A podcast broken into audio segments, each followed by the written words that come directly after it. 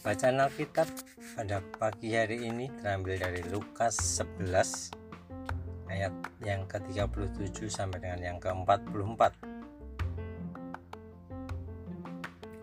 Dalam bacaan Alkitab hari ini, Yesus menegur orang Farisi yang terlalu sibuk menghias penampakan luar dirinya sebagai pemuka agama yang dihormati. Mereka terlalu sibuk mengkritik orang lain yang tidak melakukan kegiatan seremonial keagamaan secara benar. Ayat 37 dan 38. Yesus membuka keburukan sisi interior mereka yang penuh dengan rampasan dan kejahatan menyebut mereka sebagai orang yang celaka, yang rajin memberi persepuluhan tetapi mengabaikan keadilan dan kasih Allah. Yang duduk di tempat paling depan di rumah-rumah ibadat, tetapi gila hormat.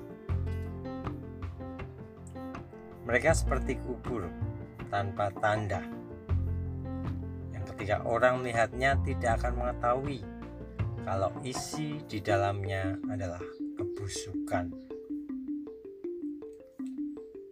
Sobat Teruna,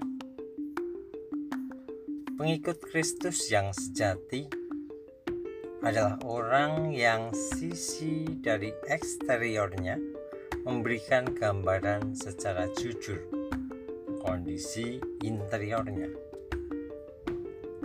Hiduplah di dalam kasih Kristus dan hayatilah tindakan kasih serta keadilannya lewat doa juga perenungan Alkitab.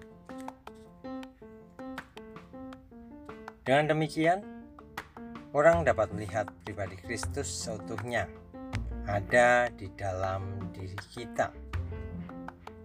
Lewat tutur kata dan perilaku yang membangun serta menjadi berkat bagi banyak orang. Selamat berkarya, Tuhan memberkati.